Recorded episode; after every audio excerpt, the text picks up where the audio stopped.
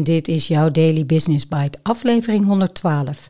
Deze CEO's leveren salaris in en daar wordt iedereen beter van, ook de CEO zelf, door Roanne van Baren op maatschappij.nl. En ik ben jouw host, Marja den Braber. Je luistert naar Daily Business Bites met Marja den Braber waarin ze voor jou de beste artikelen over persoonlijke ontwikkeling en ondernemen selecteert en voorleest. Elke dag in minder dan 10 minuten.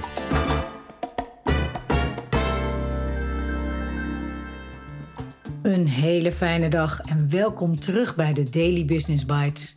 Of welkom als je voor de eerste keer luistert. Dit is de podcast waarin ik je de beste artikelen voorlees die je kan vinden over ondernemen en persoonlijke ontwikkeling. Soms een beetje te enthousiast, maar ik kan het niet helpen. Ik houd van het onderwerp en van lezen. Dus dank dat je met mij meeluistert vandaag en elke dag. In de meeste bedrijven is de loonkloof tussen CEO's en werknemers immens. Soms verdienen ze wel 200 keer zoveel terwijl dit moreel gezien niet te rechtvaardigen is. Deze CEO's weten dat en gaan voor een eerlijke verdeling. Daar zit hij dan, de CEO. Vaker wel dan niet heet hij Peter, Jan of Frans. Is hij wit en draagt een pak. Vanuit zijn riante kantoorruimte kijkt hij over een stad vol wolkenkrabbers. Op zijn bureau staat een ingelijste foto van zijn Old Boys Network, die hij kent van zijn verenigingsjaren, een award voor de beste ondernemer van het jaar en een doosje sigaren voor het geval dat. Hij belt veel, stuurt mensen aan en regelt. Dat is zijn werk en daarvoor krijgt hij veel geld. Heel veel. Zoveel dat je als gewone burger geen idee hebt wat je ermee zou moeten doen. Maar voor de CEO is het normaal, want zo gaat het al jaren. Daarbij, hij heeft er hard voor gewerkt en dus verdient hij het, aldus de CEO. Dit is het beeld dat ik heb van iemand die het bedrijfsleven aanstuurt. Misschien heb ik te veel Amerikaanse jaren 90 films gezien. Ik bewonder de CEO niet, wens hem niet te zijn en voel zelfs een lichte afkeur, des te meer als ik berichten lees over de bizarre loonkloof. De gemiddelde CEO verdient, lees eigent zich toe, 28 keer meer dan zijn werknemers. Maar het kan nog gekker, zoals bij Heineken, JDE en NXP, waar de CEO respectievelijk 206,6, 229,8 en 220,5 keer meer verdient. In Amerika is het gemiddelde salaris van een CEO zelfs 670 keer hoger dan de gemiddelde werknemer. Terwijl een eerlijke loonverhouding volgens Wagemark 1 op de 8 is. De Nobelprijswinnaar Economie Jan Tinbergen heeft het zelfs over een loonnorm waarin het hoogste inkomen niet hoger mag zijn dan vijf keer het laagste inkomen. Ethicus Ingrid Robijns pleit daarom voor limitarianisme. Naast een armoedegrens moet er ook een rijkdomsgrens komen. Dat is zeer wenselijk volgens de ethicus, want extreme rijkdom is moreel verwerpelijk. Rijkdom wordt vaak verkregen door illegale praktijken zoals belastingontduiking, het uitbuiten van de aarde en het overschrijden van mensenrechten. CEO's nemen misschien grotere economische risico's, maar dit staat bij lange niet in verhouding tot de supersalarissen die alsmaar worden opgedreven en rechtvaardigt zeker niet de extreme loonkloof. Maar hij, Peter, Jan of Frans, is niet het kwaad. Hij belichaamt alleen het geglobaliseerde turbokapitalisme waar we in leven. En we hebben hem als samenleving gemaakt, leerde ik van Charles Eisenstein. Met de jaren 80 en 90 mentaliteit van groei, groei en nog meer groei en geld verdienen als hoogste doel. Als we hem zelf hebben gemaakt, kunnen we hem ook weer transformeren. Deze CEO's zijn alvast begonnen. Alle winst naar de aarde. Het was groot in het nieuws. Ivan Chouinard, CEO van Patagonia, geeft alle winst van zijn bedrijf aan een goed doel dat milieu- en klimaatprojecten ondersteunt. Chouinard, 83, was bergbeklimmer in zijn jonge jaren en zette in 1973 Patagonia op met kleding voor buitensporters. Zijn natuurhart was al terug te zien in de duurzame materialen waarmee de kleding van Patagonia gemaakt wordt. De organisatie 1% for the Planet die hij oprichtte en de campagne om gedragen Patagonia kleding te herstellen. Maar dat was niet altijd zo. In de jaren 90 ziet Chouinard de natuur op zijn geliefde klimplekken in Nepal, Afrika en Indonesië steeds verder degraderen. Hij begint zich te verdiepen in ecologie en leest over de klimaatcrisis die ons te wachten staat. Dat opent zijn ogen. Het bedrijfsplan van Patagonia ondergaat een radicale verandering. Chouinard besluit dat het bedrijf geen schade aan het milieu mag aanrichten, de duurzaamheid van de producten voorop komt te staan en dat het volgen van voorbijgaande modetrends niet relevant is. Ze zorgen voor een eerlijk loon voor katoenboeren en gaan niet in zee met leveranciers die personeel uitbuiten.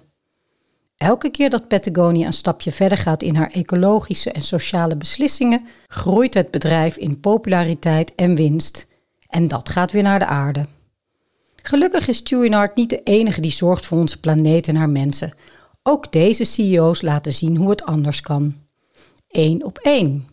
CEO Dan Price voerde zes jaar geleden het minimumloon van 70.000 dollar voor al zijn werknemers in. Om dat te kunnen betalen moest hij het grootste gedeelte van zijn eigen salaris inleveren. 1 miljoen dollar om precies te zijn. Zelf kwam hij daarmee ook op 70.000 dollar terecht. Hij moest zijn tweede huis verkopen en kon minder luxe leven dan hij gewend was. Door zijn mede-CEO's werd hij voor gek verklaard en zijn bedrijf Gravity Payments zou kapot gaan, schreeuwden de economen. Maar zoals een echte feel-good betaamt, is dat niet gebeurd. Het bedrijf groeide zelfs en de omzet vertienvoudigde. En belangrijker, de medewerkers konden een huis kopen, schulden afbetalen, een gezin beginnen, ervaarden minder stress, werden productiever en uitzonderlijk loyaal naar het bedrijf. Veel minder mensen namen ontslag, waardoor de kennis in huis bleef en de betrokkenheid bij het bedrijf groeide. Vanwege de coronacrisis daalde, net zoals bij veel andere bedrijven, de omzet. Om overeind te blijven leverden de werknemers vrijwillig een deel van hun salaris in. Nu het bedrijf weer is hersteld, heeft Dan het ingeleverde salaris gecompenseerd. De werknemers gaven hem zelfs een Tesla cadeau, zijn lievelingsauto. Zo kreeg hij alsnog de luxe van voorheen, maar nu in een bedrijf dat op elk vlak floreert. CEO Dan zelf zegt veel gelukkiger te zijn dan voor zijn salarisverlaging. Een familiebedrijf met eerlijke duurzame zeep. Zeepbedrijf Dr. Bronners werd opgericht door de grootvader van David en Mike Bronner. Voor de Tweede Wereldoorlog vluchtte de Duits-Joodse Emanuel Bronner naar Amerika. Ondanks de verschrikkingen bleef hij geloven in gelijkheid tussen mensen, eenheid en liefde. Om zijn visie te verspreiden schreef hij de verpakkingen van zijn zeep vol met teksten. De boodschap was leidend, de zeep van secundair belang. Inmiddels runnen de twee kleine zonen het bedrijf en staat ethiek nog steeds op nummer 1. Zo hielpen ze mee om de documentaire Cowspiracy te financieren en een groot deel van de winst gaat naar een goed doel om het minimumloon van mensen in heel Amerika op te schroeven. In tien jaar tijd hebben ze zo'n 40 miljoen dollar gedoneerd aan goede doelen en activisme. De CEO's houden een ratio van 5 staat tot 1 aan tot de mensen die de dozen met zeep inpakken. En ze betalen niet alleen de zorg- en tandartsverzekering van hun werknemers, maar ook van hun hele gezin. De werkmoraal ligt hoog, waardoor er weinig ziekteverzuim is. De werknemers voelen zich thuis en hele families werken bij hetzelfde bedrijf.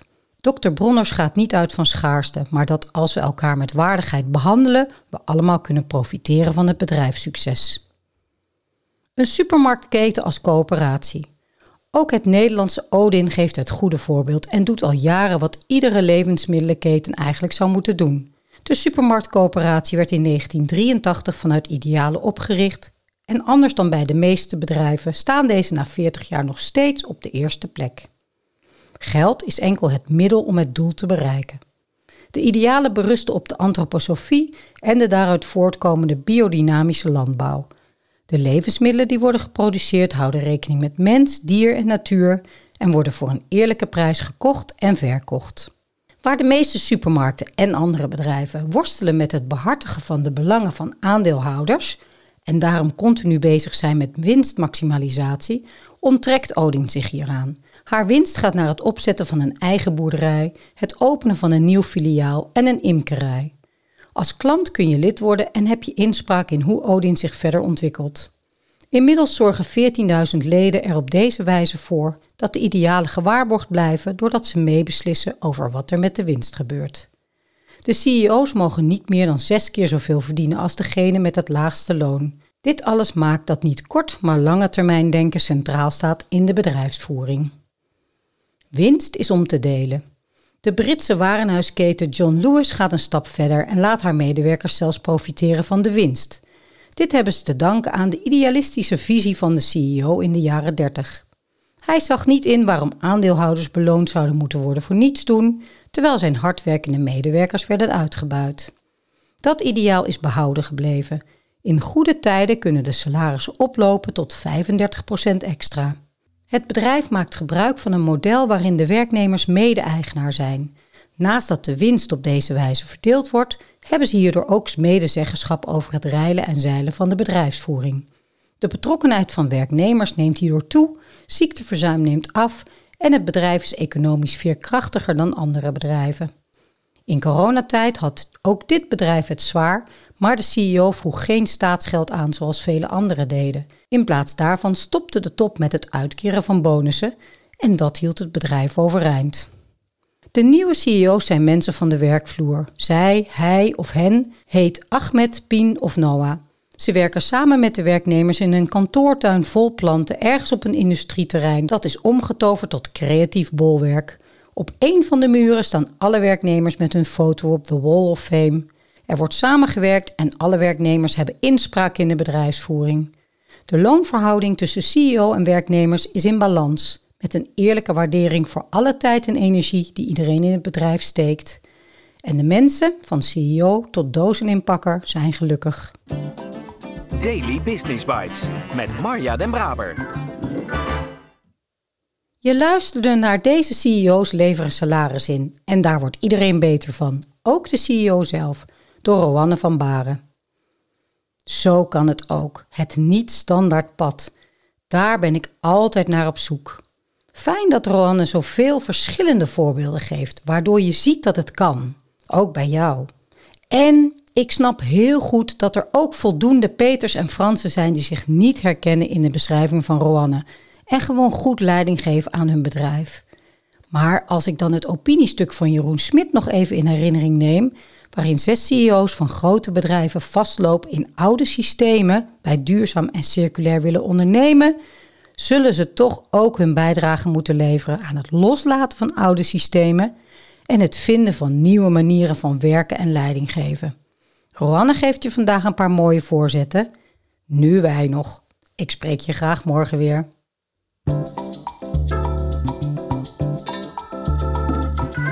Dit was Daily Business Bites. Wil je vaker voorgelezen worden? Abonneer je dan op de podcast in je favoriete podcast-app. Meer weten? Klik op de links in de show notes.